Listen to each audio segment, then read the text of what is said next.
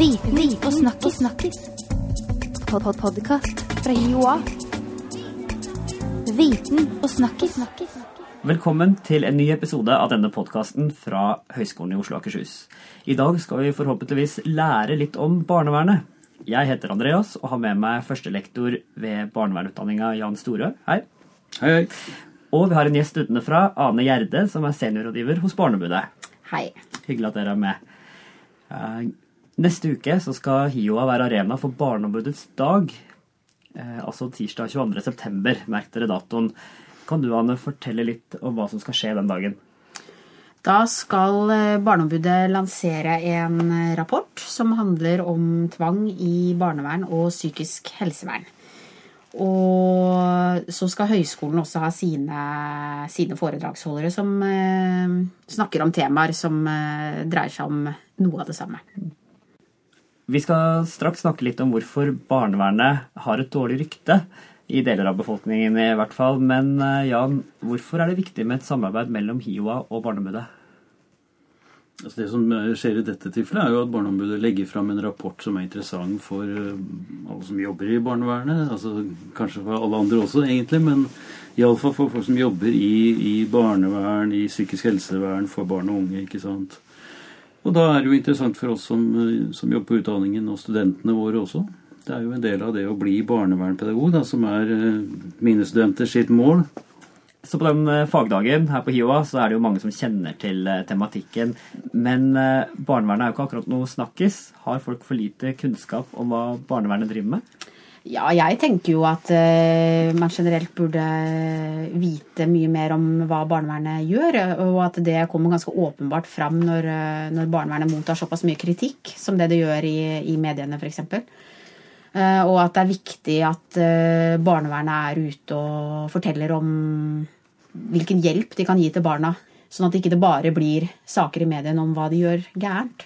Er barnevernet for dårlig til å markedsføre seg selv? Ja, jeg syns helt klart det. Og, ja, så, som Anne sier, så har det, altså dette med kritikk i aviser Det har jo vært en ganske sterk eh, runde på det nå, fra juni og fram til nå. Eh, det går litt i bølger, og nå har det vært en veldig, veldig mye av det. Og jeg tror det er veldig viktig å lytte til kan du si, grunnlaget i den kritikken som jeg har prøvd å skrive litt om det sjøl. At hvis den, hvis den er ordentlig og ryddig kritikk, så, så kan det være veldig nyttig, da. Men eh, det er mye av det som er veldig mye skal vi si, myter. Eh, det er noen som elsker å hate barnevernet, som noen av oss sier. Og det er noe av det som er ganske vanskelig å forholde seg til. Men jeg tror veldig på at uh, samfunnet må kikke barnevernet i kortene. Det er en etat som har mye makt, f.eks. Og som griper inn, noen ganger da iallfall, i, i, veldig dypt inn i familier. Så det er klart at det skal være synlig, det barnevernet holder på med. Og barnevernsfolk bør antagelig bli langt flinkere til å kommunisere med samfunnet. Er du enig, Anne? Jeg er veldig enig i det. Jeg tenker at eh, det er jo en eh, balanse her. At eh, man må eh, Alle tjenester må tåle å eh, få kritikk, for det er sånn man eh, utvikler seg og kan gjøre tjenestene enda bedre. Eh, samtidig så vil veldig mye kritikk, eh, negativ kritikk som kanskje ikke har rot i virkeligheten, eh, føre til at barn f.eks. ikke tør å henvende seg til barnevernet, som er en hjelpetjeneste for barna. Og, og jeg tror også at det er viktig å huske på at brukerne av barnevernet ofte er veldig fornøyde. Eh, Og at det er de som ikke er i kontakt med barnevernet, som eh, ofte har et negativt inntrykk av denne tjenesten. Ja, Det ser vi jo fra noe av den forskning som er blitt gjort på dette med tillit i samfunnet. At eh, de som scorer høyest altså i forhold til tillit på, på barnevernet, det er de som har opplevd tjenestene sjøl. Ikke alle, men en del av dem, ganske mange, sier at eh, dette her, her fikk jeg god hjelp, det var noen som så meg, noen som virkelig snakket til meg. Mange som har den type erfaringer. Da, da skal vi huske at langt de fleste av de som er i kontakt med barnevernet, de, de er der helt frivillig. Altså Over 80% av barn som eh, får hjelp fra barnevernet, bor jo faktisk hjemme. Det er noe som mange ikke vet så godt, kanskje. Ja, kan dere si litt, Hva er typiske tiltak i barnevernet? Det er jo aller flest hjelpetiltak. Aller flest tiltak som eh, er i hjemmet. Dvs. Si at familien får hjelp til å få det bedre hjemme hos seg selv. Eh, Og så har du de tiltakene der hvor barnet må flytte. Men det er jo de mest alvorlige sakene. Og det skal mye til for eh, at et barn skal flytte fra familien sin. Og man kan jo også stille seg spørsmål om det kanskje skal for mye til for at et barn må flytte fra familien. Det er en annen diskusjon. Det er jo veldig vanskelig balansegang i hver eneste sak. ikke sant? Hvis, hvis vi snakker om de sakene hvor barn flyttes hjemmefra, eh, utrolig vanskelig å vite. Barnevernbarn som eh, f.eks. i Landsforeningen for barnevernsbarn, som etter hvert har begynt å bli ganske store, og som deltar i den organisasjonen, de sier jo en del av dem at eh, meg tok dere ansvar for for seint. Dere kom for seint inn i forhold til å hjelpe meg. Skulle ønske dere hadde kommet før, for dere visste jo egentlig om det. Så Det er, det er en like viktig unnlatelsessynd, altså å gripe inn for seint som å gripe inn for fort. Da. Det sier jo de barna vi treffer også. Også i det prosjektet som vi har hatt som dreier seg om tvang. Eh, Der er det jo også sånn at de eh, barna skulle ønske eh, at hjelpen kom tidligere. Og at kontakten med barnevernet var tettere enn det den har vært. Så dette dårlige ryktet som jeg har sagt om, det kommer vel an på hvem man spør. Men hvilken rolle har mediene oppi dette her? Altså, jeg oppfatter at mediene for så vidt interesserer seg for barnevern, men de interesserer seg nok kanskje en del for eh, de barnevernfortellingene som har en viss sånn eh, dramatikk i seg. Eh, jeg syns mediene har blitt veldig mye bedre de siste 20 årene. Tidligere så var det jo veldig mange enkeltsaker som ble presentert uten at det var mulig å finne ordentlig ut av det. Jeg syns kanskje at mediene lot seg bruke av eh, fortvilte foreldre, jeg må jo si det, som, eh, som ikke skjønte hvorfor de hadde blitt fratatt barnet sitt, f.eks. Men eh, ja, kanskje særlig etter denne eh, Svanhild-saken oppe i Nord-Norge, det er jo ikke mer enn ti år siden, men særlig etter den så gikk jo norske medier i seg sjøl og gjorde en endring på det. Jeg syns det har blitt mye bedre. Og jeg, jeg har jo mange ganger talt for det at eh, man må liksom fortelle en, en større fortelling om barnevernet. For det foregår utrolig mye der som for så vidt folk ikke vet om. Det gjøres på det beste et fantastisk arbeid. Jeg, sier, jeg har begynt å si det sånn at det reddes liv hver dag. Men samtidig, det er ikke alt som er godt nok, og vi må få opp kvaliteten på alle ledd også. Så jeg, jeg, jeg tenker at det er en av de store problemene i norsk barnevern. Det er den ujevne kvaliteten rundt omkring lokalt. Da vi har ikke den, den jevne, gode kvaliteten i hele landet. Og Det er vel noe som dere i Barnebudet ser ende på.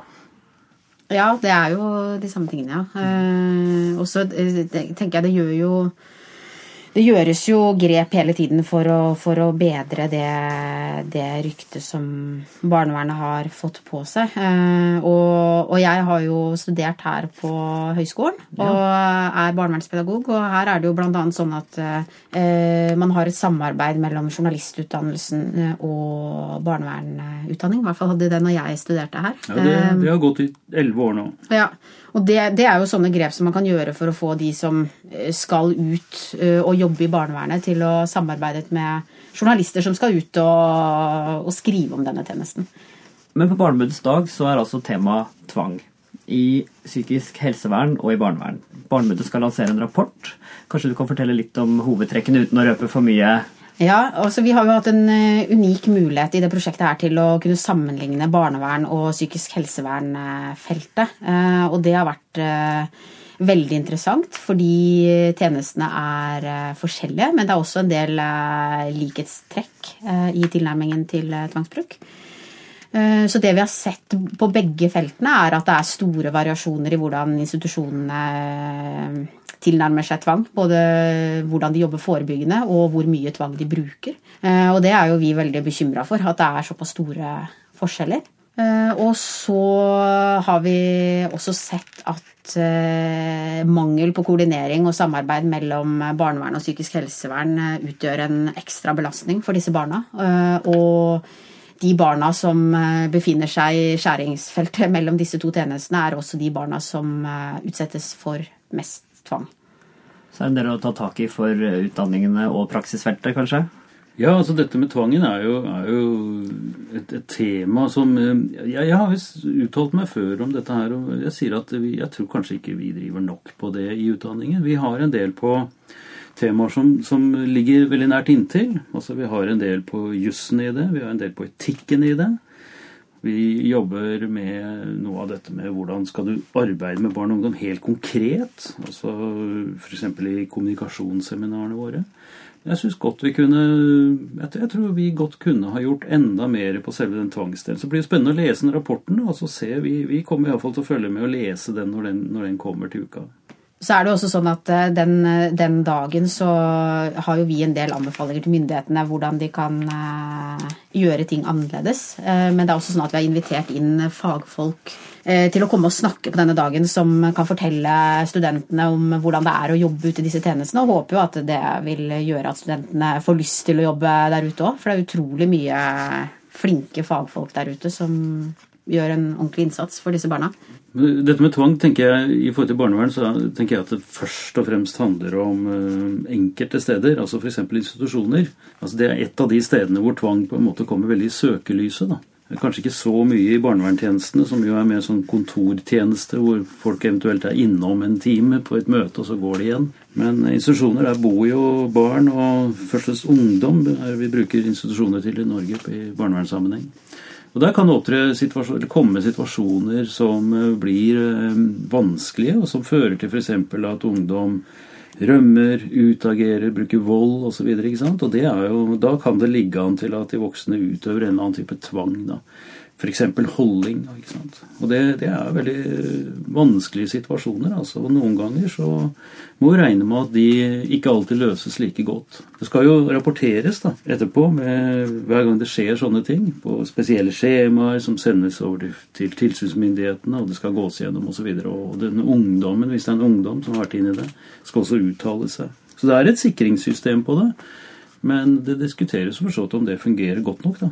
Ja, og så er det jo det at, eh, som vi har sett, at eh, den grensen mellom hva som er omsorg og hva som er tvang, er eh, hårfin. Og, og at det er veldig Det er veldig mange ansatte som, som vurderer det ulikt, da. Og, og, det vi har sett, er at det ofte er vanlige grensesettingssituasjoner som eskalerer og gjør at man blir til slutt nødt til å bruke tvang.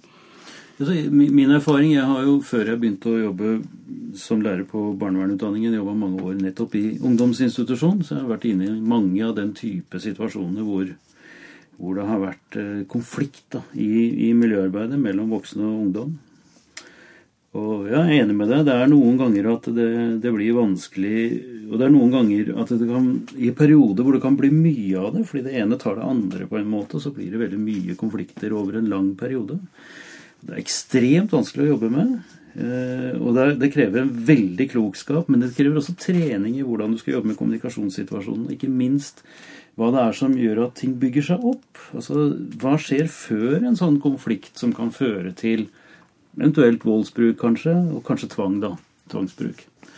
Så jeg, jeg tror at f.eks. de gode institusjonene de jobber veldig med forebyggingsdelen hele tiden, og så er de veldig på'n i de situasjonene hvor noe kan bygge seg opp.